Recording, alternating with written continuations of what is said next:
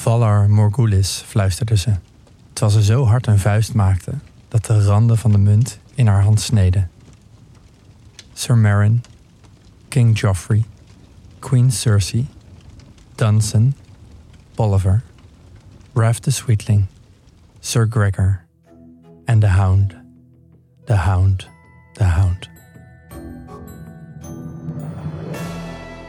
Welkom bij Fantasiewerelden, een podcast waarin wij, Esther, En Thomas, antwoord proberen te vinden op de vraag: hoe maak je een goede fantasiewereld? want fantasiewerelden zijn geweldig om in weg te dromen. En kunnen je laten zien hoe we onze eigen wereld kunnen veranderen. Wij maken voor de Universiteit van Amsterdam het vak Worldbuilding voor changemakers en storytellers. In deze podcast hoor je over ons onderzoek naar het bouwen van fantasiewerelden en helpen we je er zelf een te maken. Want in Nederland hebben we veel te weinig fantasy-schrijvers. Deze aflevering gaat over de held. Want wat is een fantasiewereld zonder helden, vijanden, monsters, avonturiers, prinsen, prinsessen, tovenaars, oftewel personages? We leren van psycholoog Thijs Launsbach over archetypen en krijgen van scenarist Manju Rijmer les in de kunst van het bouwen van personages. Thomas, jij las net een stukje voor uit een boek van de Game of Thrones serie. Is Arya een van jouw favoriete helden? Absoluut. Vanaf het moment dat ze in volgens mij aflevering 1 uit het niets eh, met een pijl en boog meeschiet, terwijl ze eigenlijk niet mee mag doen met de jongens.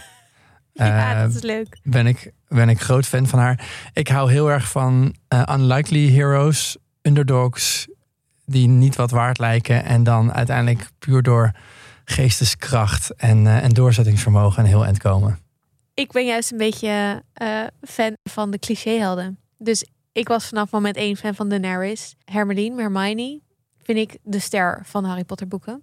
Ik bedoel, zonder Hermione was Harry echt nergens. Laten we dat wel even duidelijk... Echt eh, waar. En zonder Harry Potter was, had Hermione het prima gedaan. En Ja. zonder Hermione was Harry Potter gewoon dood geweest. Precies, dus zij is echt... eh, nou, ik zal niet zeggen dat ze underrated is. Wel door Harry. Ehm, maar ik ben, ik ben ook heel erg fan van Wanda. De Scarlet Witch uit eh, Marvel. En dat is wel echt een, eh, een vijand geworden. In de laatste, eh, laatste keren dat zij in de Marvel-serie zat. Maar toch hou ik nog heel erg van haar. Dus nou ja, het zijn geen underdogs. Maar het zijn niet allemaal helemaal goede personages. Ja, helden met een randje. Ja, ja, hou ik van. Deze week gaan we zelf een held bouwen. En we gaan ook leren of je per se een held nodig hebt in een fantasiewereld. Want misschien zijn de mensen in jouw wereld wel helemaal geen helden. Ik vind het maken van personages wel echt voelen als de start van het verhaal, zeg maar, binnen in de wereld. In plaats van alleen de wereld maken. Wie wonen er precies? Wat doen ze? Waarom? We hebben het vorige week ook gehad over het magie-element, ehm, mijn drakenvlinders. Mhm. Ja, ik heb wel zin om, om dat meer te gaan ontwikkelen. Ja, en die mensen geven ook echt lichaam aan, aan een wereld. En die moeten ook gaan zorgen dat je, dat je met ze mee wil. Dat je Ja. die identificeert. Eh, je moet zorgen dat het geloofwaardige, interessante, spannende personages worden. Waar je ook al haat je ze toch ook een beetje van gaat houden. Nou ja, moet dat? Moet je ervan gaan houden? Dat is een van de dingen die we hebben voorgelegd aan, eh, aan onze experts. We hebben vandaag twee experts die aan het woord komen. En de eerste is Manju Rijmer. Hij was scenario-schrijver. Inmiddels begeleidt hij scenario-schrijvers voor Videoland. Hij schreef onder andere tienerseries De Sleds van 6 VWO en Vakkenvullers. En hij heeft dezelfde favoriete wereld als ik. Eh, ja, Game of Thrones. Westeros, ja. kwam relatief laat in, in de hype. Dus ik, ik heb de boeken pas gelezen toen eh, de show uitkwam.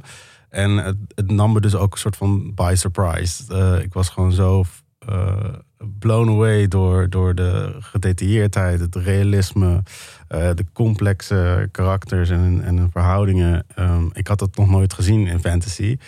En wat George als geen ander doet, is de wereld zo rijk maken dat je er eigenlijk nooit klaar mee bent. Dus je zit nu eh, ja, gewoon 300 jaar voor de events van Game of Thrones nog steeds eh, details op te zoeken en betekenissen en, en subtiele hints en, en foreshadowing. En het is allemaal zo ja, het is entertaining. Het is gewoon echt entertaining tot het op bot. Dus het, eh, ik krijg er geen genoeg van.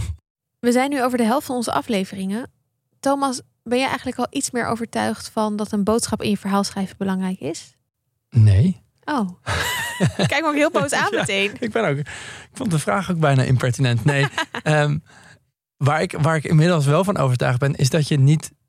Je hebt een boodschap, of je nou wilt of niet. Je maakt daarin keuzes, of je nou wilt of niet. En je wil niet helemaal achterlopen en je wil misschien wel wat meer voorlopen. Je wil misschien wel niet per se iets veranderen, maar je wil je er wel bewust van zijn. Dus daar ben ik. Ik vind nog steeds dat het nooit mag afleiden van hoe vet het verhaal is. Oké, luister vooral even naar wat Manju hierover zei, want ik vond dat hij heel goed uitlegde wat ik ook denk toen ik hem vroeg wat voorop staat: verhaal of moraal. Zal, zal ik genuanceerd beginnen? Ik denk dat je beide moet hebben. Um, ik denk dat het een niet kan bestaan zonder het ander. Um, ik denk dat waar het algemene publiek altijd voor zal vallen, zal, zal de rijkheid van de wereld zijn. Zullen de, de magie, de draken, de toverstaffen, de, uh, de, de ogres en de uh, goblins en al die dingen. Um, dus dat is uh, onlosmakelijk van fantasy. Dat is de reden waarom je fantasy doet. Anders kan je gewoon een verhaal vertellen in het nu en in deze wereld. Dus de rijkheid van de wereld is zeker weten belangrijk.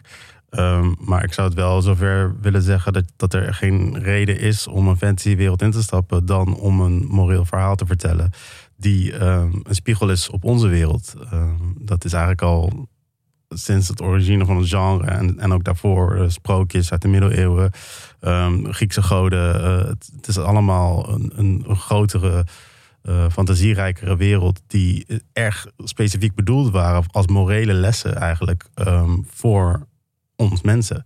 Um, dus, en ik ook kijken naar uh, Tolkien, die met een hele sterke uh, politieke agenda schreef. Uh, Rowling had een sterke politieke agenda.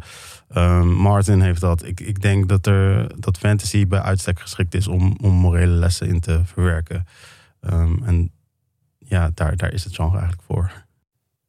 Daar is het genre eigenlijk voor. Ik hoor het. Zo stellig heb ik het nog niet neergezet, maar ik vind wel dat hij het goed kan onderbouwen. Ik vond dat stukje over de rijkheid van de wereld vond ik heel erg mooi. Ja, dat, uh, ik zag jou knikken. Maar de vraag is natuurlijk, hoe pas je dat dan toe als maker? Ja, ik, ik, ik zou als maker, zeker als je fantasiewerelden creëert, moet je volgens mij wel beginnen met de morele lessen. En omdat fantasy, um, alle fantasy en ook fantasy creatures, weet je wel, weerwolven, uh, vampieren, het zijn allemaal toch metaforen eigenlijk voor uh, met name angsten, uh, maar tegenwoordig ook uh, vaak gelaagdere discussies over goed en kwaad. Dus je moet toch beginnen met dat, uh, wat wil je vertellen en, en, en waar kunnen die metaforen zich voor dienen. Um, dus volgens mij is het bouwen van die wereld secundair aan wat je wil vertellen. Metaforen voor angsten vind ik al een hele goede plek om te beginnen als het over helden gaat. We hebben nog iemand gesproken over de held, psycholoog Thijs Launsbach. En die had er nog net een iets andere blik op. Ja, en Thijs is dus psycholoog, maar hij is ook schrijver van boeken zoals bijvoorbeeld uh, Fucking Druk uh, en Werk kan ook uit. En hij heeft een hele leuke podcast, Hoe ben je zo? Uh, de anti-zelfverbeteringspodcast waar je wel een leuker mens van wordt. Zo noemen ze het zelf. Ja, ik denk dat dat wel ook een zwakte van mij zou zijn. Dat ik te veel een boodschap in een verhaal zou willen verstoppen. Maar ik denk dat er misschien nog wel een ander kamp mogelijk is. En dat is niet zozeer je moet iets bewerkstelligen met een verhaal iets dat er een beetje tussenin ligt. Namelijk door in een fantasiewereld te ontsnappen, train je je denken. Uh, dus het voelt misschien als ontsnappen. En ik denk dat dat ook. Ik, het klinkt misschien een beetje hoogdravend, maar ik denk dat, dat het idee dat verhalen entertainment zijn, is een, is een vrij recente bevlieging.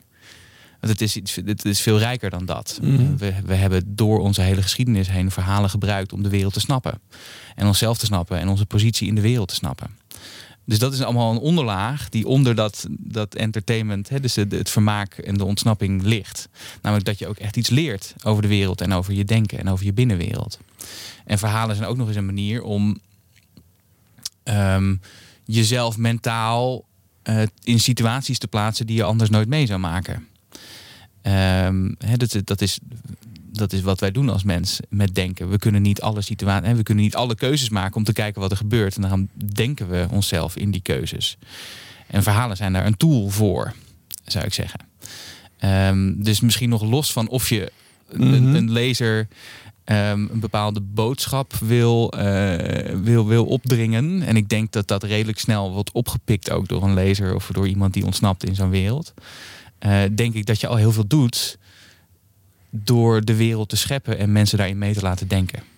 Train je denken. Uh, Thijs zoekt dus een midden tussen ons, een mooie insteek.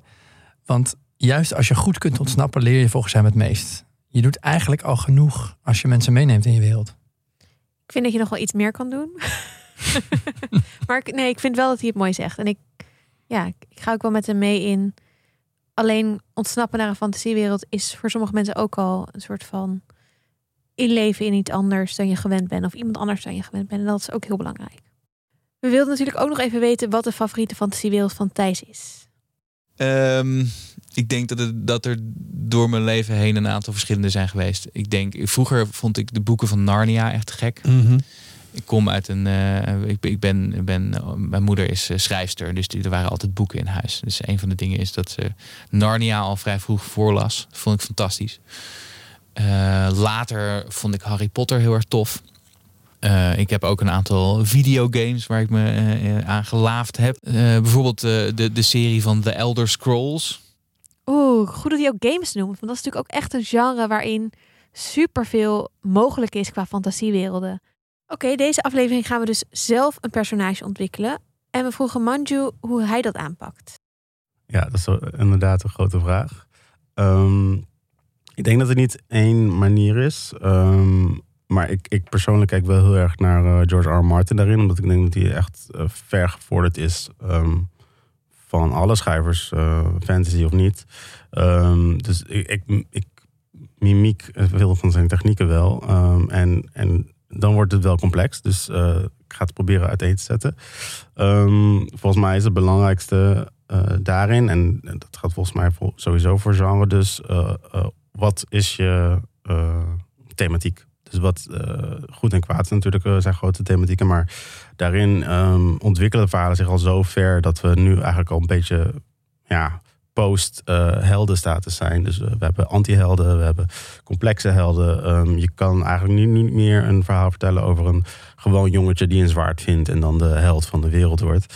Ehm, dus je moet echt eh, gewoon al goed nadenken over wat wil ik vertellen, wat, wat, wat zijn de eh, problemen die ik wil aankaarten of die ik wil uiteenzetten. En vanuit die thematiek begin je eigenlijk. Dus bij George R. R. Martin heeft hij vaak gezegd dat zijn wereld een medieval eh, patriarchal feudal society is. Ehm, nou, dat zijn al drie hele grote koepeltermen, ehm, waarvan uit je dan een soort van een, een kader hebt wat je, wat je wereld is. Eh, en vanuit daar ga je echt nadenken over karakters. Ehm, dus eh, als je de thematiek neemt, wat zijn de meest interessante karakters daarvoor? En ik denk dat de, in alle verhalen ten alle tijden zijn dat de underdogs, degene met, de, met het meeste eh, te overwinnen. Ehm, dus George R. Martin heeft heel slim eh, ten eerste voor heel veel vrouwen gekozen, want het patriarchaat. Eh, maar ook over mannen die een soort van een achterstand hadden. Dus je hebt de bastard, je hebt een dwarf, je hebt iemand die zijn hand kwijtraakt. Het, het gaat echt over underdogs binnen dus dat perfecte systeem van koningen en, en, en machtige mensen. Ehm, en hij keek ook heel erg naar, oké, van wat, wie zijn dan de mensen die deze wereld eigenlijk en dus die thematiek eh, kunnen veranderen. Dus echt de change eh, en de ontwikkeling van het verhaal. Ehm, eh, dus even teruggaan naar de, de tweede stap, de karakters, is heel erg kijken naar, oké, welke flaws hebben ze door deze wereld? Dus bijvoorbeeld Tyrion is heel erg geschaad door zijn vader eh, en de afwijzing die hij ervaart als, als eh, iemand met eh, dwergaandoening. Ehm, en vanuit daaruit, vanuit die pijn, is hij gaan kijken van oké, maar wat zijn dan de sterke kanten? Dus hij, eh, ehm, Tyrion eh, duikt in boeken, eh, kan heel goed mensen lezen, kan heel goed eh, zichzelf ergens uitpraten, want hij heeft geen fysieke kracht om dat te doen. Ehm, dus dat is echt gelinkt aan zijn positie in de maatschappij en aan zijn pijn die hij daaruit ontleed. En de beste tip van Martin, die ik altijd eigen maak, is dat maakt niet uit wat voor fantasie personages het zijn. Het gaat altijd over het conflict dat in iemands hart zit. Dus eh, de strijd die hij in zichzelf voert. Eh, of dat nu is een, een goede leider willen zijn terwijl je ook eh, drie draken hebt. Of een, een, goede leider willen zijn terwijl je eigenlijk een, een bastard bent die verlangt naar erkenning van zijn familie. Het gaat altijd over die strijd intern ehm, die je tot mens maakt. En dat cre- creëert volgens mij rijke karakters. Wow, hier zit heel veel in volgens mij. Ik vind het zo leuk dat hij de manier waarop hij personages schrijft voor dramaseries helemaal heeft gebaseerd op hoe George R. R. Martin dat doet, maar dan in fantasywerelden. Dus hij schrijft hele serieuze, of nou, gewoon vrij serieuze dramaseries. Maar het is wel op de, ja, de fantasy manier eigenlijk bedacht. Hoe die personages eruit zien. En Het is sowieso heerlijk zitten. om naar iemand te luisteren die zo lekker erin zit en zoveel Ja, voorbeelden aan alle kanten erbij kan halen. Eh, maar zijn stappenplan is dus: bedenk de grote thema's van je wereld en verzin dan een personage dat in die wereld niet goed gedijt. Want dan heb je direct conflict. En dan idealiter heeft dat personage ook nog een conflict in zichzelf. Ik denk dat ik hier al wel wat mee kan eh, voor mijn personages. En het geeft je ook weer tools om de wereld verder te ontwikkelen. Want ik heb bijvoorbeeld helemaal nog niet zo nagedacht over de thematiek in mijn wereld. Daar hadden we het vorige week nog over. Wat is nou precies die spanning of die strijd? We gaan het daar ook in de volgende aflevering over hebben. Maar dit, dat haakt dus ook best wel aan elkaar, blijkbaar. Daar had ik nog niet zo van tevoren bedacht dat dat wel handig is om te weten voor je je personages gaat ontwikkelen Ja, misschien. precies. Want je hebt dat conflict dus nodig om, dat, eh, om, dat, om weer te kijken waar dat personage zich tegen afzet. Ja, wat die strijd is. Manju vertelde ook wat volgens hem een goed personage maakt. Ja, er is niet echt één, één lijn te trekken. Ik denk dat eh, verschillende personages die verschillend gebouwd zijn, om verschillende redenen heel erg raken bij het publiek. Eh, soms is dat eh, echt ook een soort van blandness. Dus Harry Potter is in het begin zeker nog best wel een, een wit vel waar je zelf dan jezelf aan kan empathiseren en, mee kan leven. Ehm, en bijvoorbeeld bij Martin zijn het zeer uitgesproken karakters, waardoor je er ook een soort van beetje naar kijkt. En, en eh, dan pas gaat empathiseren met wat ze doen en, en, en hoe ze denken. Ehm, dus volgens mij is er geen one way, maar ik denk dat alle personages worden herkenbaar en menselijk en, en eh, empathisch door conflict, door echt ehm, te zien wat ze willen eh, en te zien wat ze tegenhoudt en die struggle continu te beleven als, als kijker. Ja, die Harry Potter methode is ook een fijne, eh, ook voor mijn wereld. Want in het eerste boek is hij gewoon een jongetje in een bepaalde situatie zonder een echte persoonlijkheid. En zo kunnen heel veel mensen, bijna iedereen, kunnen zich in hem inleven. En dan kom je er echt samen met hem achter hoe die tovenaarswereld werkt. En die ga je dan ook samen ontdekken. En je bent overal net zo verbaasd over als hij. En pas verderop in de boeken wordt hij meer, ja, volgens mij ook meer een puber, maar ook meer echt Harry. Ja, dat was trouwens ook wel. Ik las die boeken toen ze uitkwamen, dus ik werd een puber mee met Harry. Dus voor mij is het helemaal. Ja, Ja. precies. Maar ja, dat, dat, dat, je leert dan pas echt de strijd in zijn hart kennen, zou je kunnen zeggen. Om weer even in die mooie woorden van Manju te blijven. Ehm, en dan ga je dus nog weer met hem meeleven. We vroegen ook aan Manju of dat belangrijk is, dat, dat inleven. En moet je van een personage gaan houden? Ja, dat is eh, een goede vraag. Ehm, ik, ik maak altijd het verschil tussen eh, empathie en sympathie. Ehm, volgens mij heb je 0,0 sympathie nodig voor een personage. En mag je ze zelfs haten. Ehm, maar je moet altijd empathie voor ze hebben. Dus je moet altijd begrijpen waarom ze doen wat ze doen. begrijpen waar ze vandaan komen, wat ze willen. En ik, ik spreek nu vooral aan mezelf. Want ik zie soms comments online en denk ik... oh, er zit helemaal geen liefde in. Maar ik hou heel snel van alle personages, eh, of ze nou de goede of de slechte zijn. Ehm, dus volgens mij komt dat altijd als tweede. Maar volgens mij begint het met ehm personages begrijpelijk maken. En zelf ook als maker liefde voor ze te hebben. Dus ehm, ik, nou ja, bij de Slet werkte ik dan ook met, met mannelijke personages die dat hadden gedaan. Die die, die naaktfoto hadden eh, gestuurd. Maar ook daarin, je moet ook van ze gaan houden. Want anders worden ze super plat. Dus ook van de bad guys, ook van de mensen die totaal immorele dingen doen. Nou ja, Martin is daar de eh, expert in. Eh, moet je als maker, denk ik, allereerst liefde voor ze hebben. En dan volgt het publiek volgens mij automatisch. Weer zo mooi gezegd. Je moet dus echt van je eigen personages houden als maker. Dan kunnen anderen er ook van gaan houden. je moet ervan gaan houden, dan heb je nog steeds een begin nodig. Ik wilde graag met Thijs Launsbach praten, omdat hij als psycholoog wat kan vertellen over de theorie van archetypen. We kennen van de fantasy allemaal wel de oude wijze tovenaar bijvoorbeeld, of de nar die alle regels breekt. Eh, dus ik wilde Thijs vragen wat archetypen precies zijn en waarom Carl Jung ze heeft ontwikkeld. Dus Jung is, eh, was eigenlijk een volger van, ehm, of een van de leerlingen van, van Freud. Begin van de psychoanalyse. En die, eh, die psychoanalytici die hebben het over dat we een hele hoop van de redenen van ons gedrag of wat er in ons afspeelt, eh, zien we wel. Dat, dat speelt zich af in ons bewuste, maar ook een hele hoop niet. Dus we hebben, er zijn onbewuste krachten of onbewuste motivaties waardoor we dingen doen of dingen niet doen. Ehm, Hè, als ik eh, aan je vraag waarom jij met jouw partner bent, dan kun je wel een aantal dingen opnoemen eh, over wat er leuk aan haar is. Ehm, maar het zou ook best kunnen dat er ook onder de oppervlakte een aantal andere motivaties meespelen. Nou, dat is het, het gebied van het domein van de, van de psychoanalytici. Ehm, en Jung uh, wijkt dan een beetje af van Freud, want die zegt: we hebben eigenlijk, hè, je moet niet alleen naar, naar de individuele onbewuste kijken van mensen, maar we hebben eigenlijk ook nog een diepere laag als mensheid daaronder van dingen die we collectief, een soort onbewuste dat we collectief hebben met elkaar, dat we met elkaar gemeen hebben. En dat is eigenlijk een soort reservoir van alle kennis die, die de mensheid heeft over de wereld, over leven in de wereld. En de, je kunt vrij moeilijk bij dat reservoir komen. Maar een van de dingen waar, het in, uh, waar je het in ziet, is dat uh, bijvoorbeeld in verhalen, wat natuurlijk een hele belangrijke manier is om de wereld te begrijpen, in verhalen worden steeds dezelfde elementen komen daarin terug.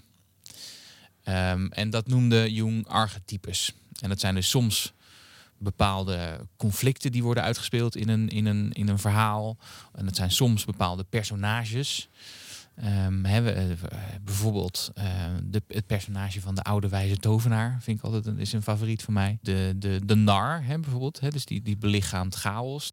Ja, ik denk dat je die dus wel bewust kunt inzetten. Ik denk ook dat ze, kijk, het idee van, van Jung is dat die archetypes dus ook voornamelijk onbewust zijn. Dus, dus de troost is, dat hoef je waarschijnlijk niet een soort van zelf te doen, want ze sluipen er toch wel in.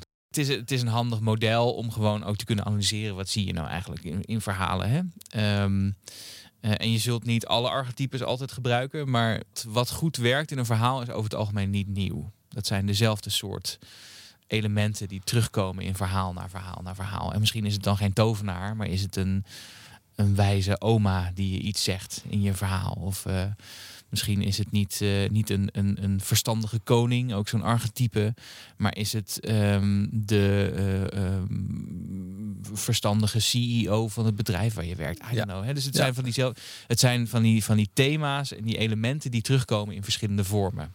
Maar die we dus ogenblikkelijk kunnen herkennen als, oh ja, dat, wat, dat snappen, want dat zegt iets over onze menselijke beleving. Maar het is wel goed om te weten dat, dat, dat je dus intuïtief geneigd zal zijn om, om meer met het klassieke archetype mee te gaan, zou ik zeggen. Dus als je een, een, een tovenaarspersonage hebt die, die alleen maar bullshit advies verkondigt, ja, dat, dan denken mensen, volgens mij werkt dit zo niet. Dus nee. die voelen ergens, dat, dat klopt niet, zeg maar. Want uh, dat personage, die, dat archetype moet wijs zijn. Ja, we zullen op Instagram een mooi overzicht plaatsen van die twaalf archetypen. Het is onwijs leuk dat als je ze eenmaal kent, als je ze goed kent, ga je ze overal herkennen. In je familie, op werk en in alle series die je kijkt. Uh, maar we hoeven van thuis dus niet precies alleen die archetypen te gebruiken.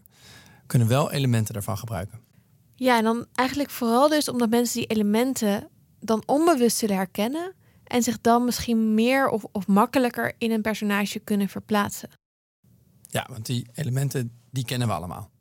Manju Rijmer gaf nog wel een concrete tip over hoe je kunt voorkomen dat je stereotypen maakt op basis van archetypen.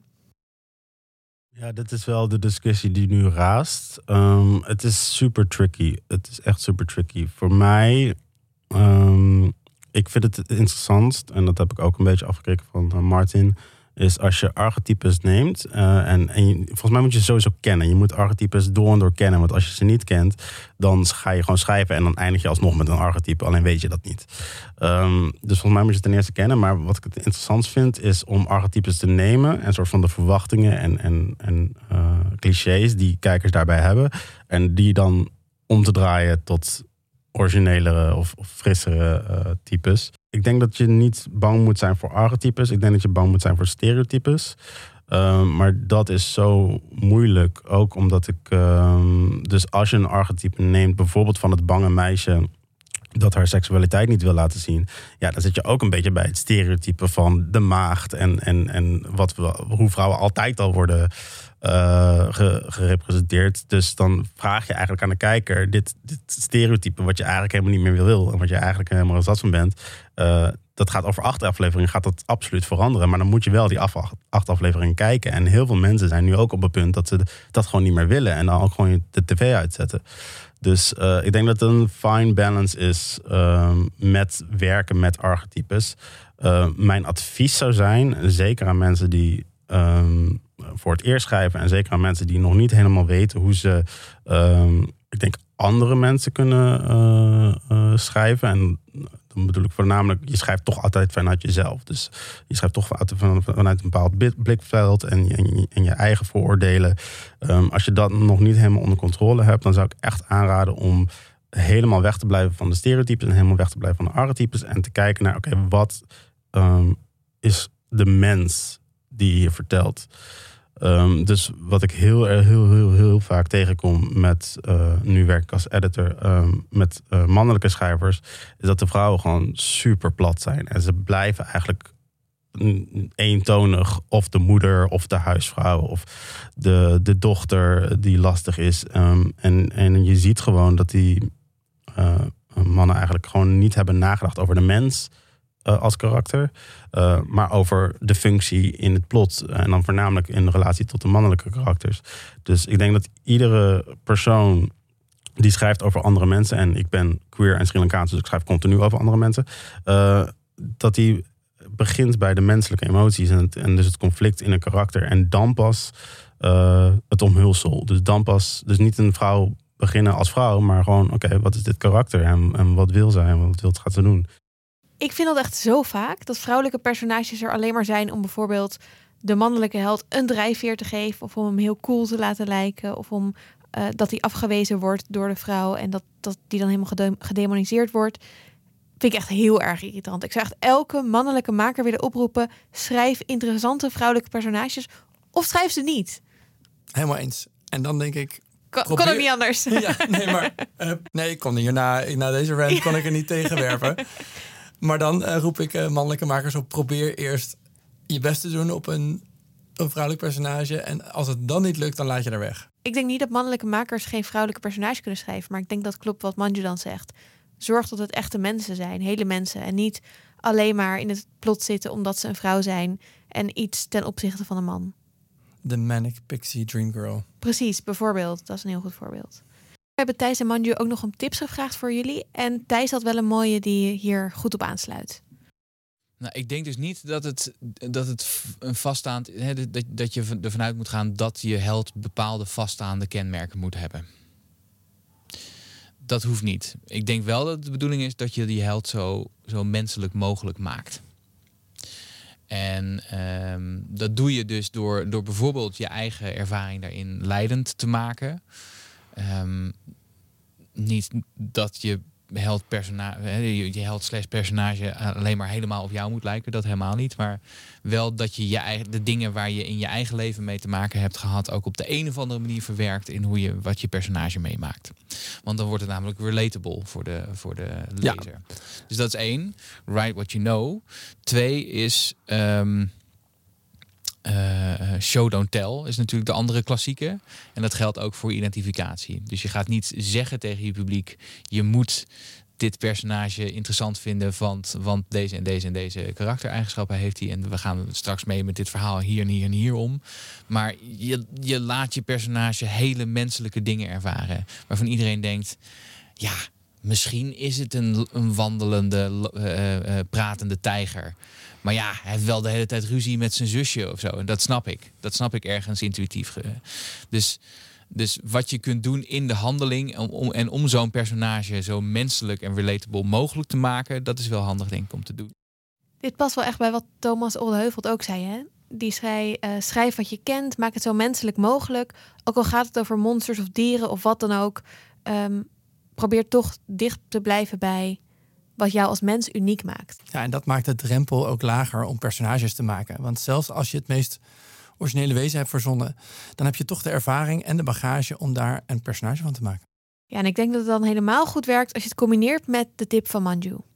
Ik heb één belangrijke tip. Uh, en die gaan mensen die uh, houden van brainstormen gaan dat niet leuk vinden. Maar maak regels en hou je aan de regels. Ik denk, um, ook omdat we natuurlijk in Nederland niet zo'n fantasietraditie hebben, uh, denken mensen: oh ja, maar ik kan gewoon vampieren doen en ik kan gewoon uh, uh, weerwolf doen, ik kan heksen doen. Maar ook die moeten zich aan regels houden. Dus, en dan bedoel ik niet de morele regels, maar echt.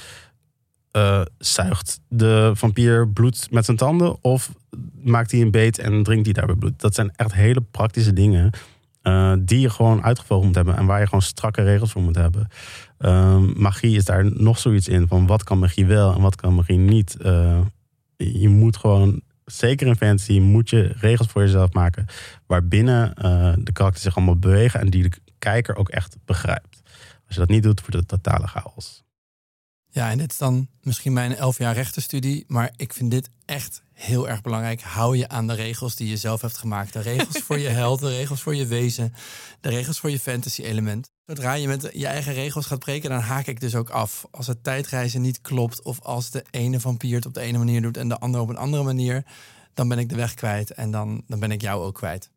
Uh, dus het is denk ik ook de goede volgorde die we hebben gekozen. Eerst nadenken over het fantasie-element en wat daar de grenzen en de regels van zijn. En daarbinnen je personages ontwikkelen. Ja, daar heb ik nu wel echt heel veel zin in gekregen.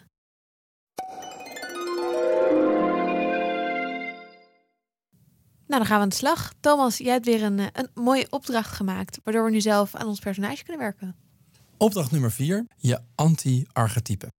Mieke Bauma is over twee weken in onze laatste aflevering te gast. En uh, zij heeft ook een overzicht gemaakt van die twaalf archetypen. Dus we hebben die van haar gebruikt. Ook omdat die in het Nederlands is en mooi uitgewerkt in personen of personages. En niet in bijvoorbeeld leiderschapsstijlen of reclamedoelgroepen, want die heb ik ook heel veel gevonden. Eeuw. Eeuw. Dan willen we niet in onze fantasiewereld podcast. Oké, wat er gaat gebeuren. Esther, ik ga ze beschrijven. Uh, in hun vier deelgebieden, alle twaalf. En jullie gaan luisteren eerst welk van de vier deelgebieden je het meest aanspreekt, welke jou het beste past.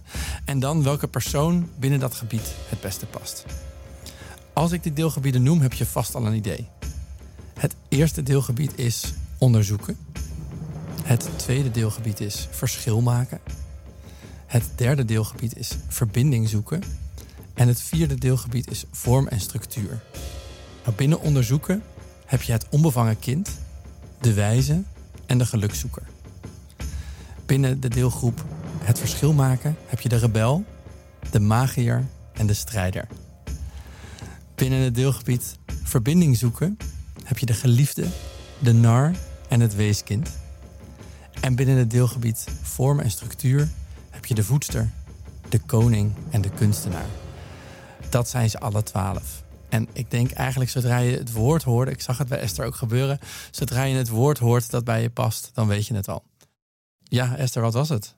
Ja, ik moest me inhouden om niet heel hard door je heen te lachen, omdat ik soort van, oh rebel, en toen mezelf bijna moest uitlachen van, oh typisch dat ik daar dan op aansla. Um, ja, ik dacht sowieso meteen verschil maken. Dat vind ik tof als mijn uh, held dat kan gaan doen. Uh, en dat soort van strijfveer heeft. En ik sloeg dus het meest aan op rebel. Maar ja, ik heb het handboek van de jonge rebel geschreven, dus niet zo gek. Dus toen dacht ik, misschien moet ik mezelf dwingen om dat juist niet te doen. Om iets te kiezen wat misschien dan iets minder dicht bij mezelf ligt, maar ik wel leuk vind om te ontdekken. Nou, en dat ga ik jullie allemaal verplicht opleggen. Dat is namelijk precies de volgende stap in mijn oefening. En dat is dat je, eh, als je straks deze grafiek voor je ziet, dan pak je hetgeen wat het meest op je lijkt maar je held is helaas precies het tegenovergestelde op die cirkel.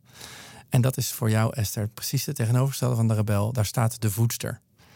In het deelgebied vorm en structuur. Uh, en haar bijwoord is zorg. Vorm en structuur is sowieso niet mijn ding. de voedster, nou, ik vind het leuk. Ik ga deze, ga deze uitdaging aan. Uh, we zetten dit dus op Instagram, dit plaatje. Het is dus echt een, um, ja, een soort rat. Dus je kan inderdaad precies zien wat er tegenover staat. Um, leuk, spannend. Een voedster. Misschien een voedster van drakenvlinders. Dus, moet je voorstellen. of drakenvlinders zijn de voedsters van... Oh, mooi. Die hebben de energie. Ik zat zelf te twijfelen tussen de gelukzoeker. Uh, die zit in het gebied onderzoeken. En die uh, zoekt naar vrijheid. Uh, recht tegenover staat het weeskind dat er graag bij wil horen. Dus daar zal ik het dan toch moeten zoeken. Het leuke hiervan is je held is precies het tegenovergestelde van wat jij bent. Maar dit personage, je eigen archetype, mag nu als mentor of als vriend of juist als vijand later in je verhaal de boel komen redden.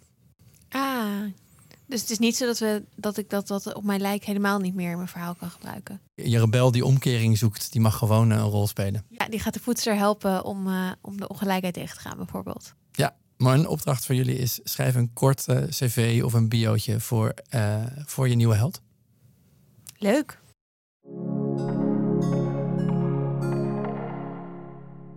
Wat hebben we deze aflevering geleerd? Net als met een speech geven, waar mensen ongeveer zo enthousiast van worden als jij erbij kijkt, moet je als maker ook erg van je personages houden. Dan gaat de lezer ook makkelijker van ze houden. Je moet ervoor zorgen dat een lezer of kijker de innerlijke strijd in het hart van je personage leert kennen. En die innerlijke strijd kan verbonden zijn met de thematiek van je wereld. Schrijf altijd hele personages in plaats van ze ten opzichte van elkaar te schrijven. Een vrouw moet niet alleen de vrouw van zijn, maar haar eigen innerlijke strijd hebben. Het is goed om de archetypen te kennen en de makkelijkste manier om het begin van een held te maken, maar blijf er niet in hangen. Maak ze rijker en completer. En je kunt die archetypen wel gebruiken om er juist iets heel anders mee te doen. Dat gaan we doen. Als je nou een, eh, een held hebt gemaakt, uh, of een heleboel helden, personages, deel die dan weer met ons. Deel de bio's die je hebt gemaakt um, op onze Instagram, fantasiewerelden, of door te mailen naar fantasiewerelden.dagennacht.nl. Volgende week hebben we het over de kloof. Wat wordt het systeem of het thema van jouw wereld? We praten erover met niemand minder dan Jan Terlouw, kinderboekenschrijver van onder andere Koning van Katoren. Dit was podcast Fantasiewerelden, een podcast die wij, Thomas van Eerbos en Esther Krabbedam, maken bij Dag en Nacht Media en naar aanleiding van het vak dat we geven voor de UvA, Worldbuilding for Changemakers en Storytellers. Muziek was van Lucas de Gier, artwork door Daan van Bommel en de podcast is tot stand gekomen met hulp van Tim de Gier, Emma Timmermans, Meerte van Munster en Meerte Verhagen.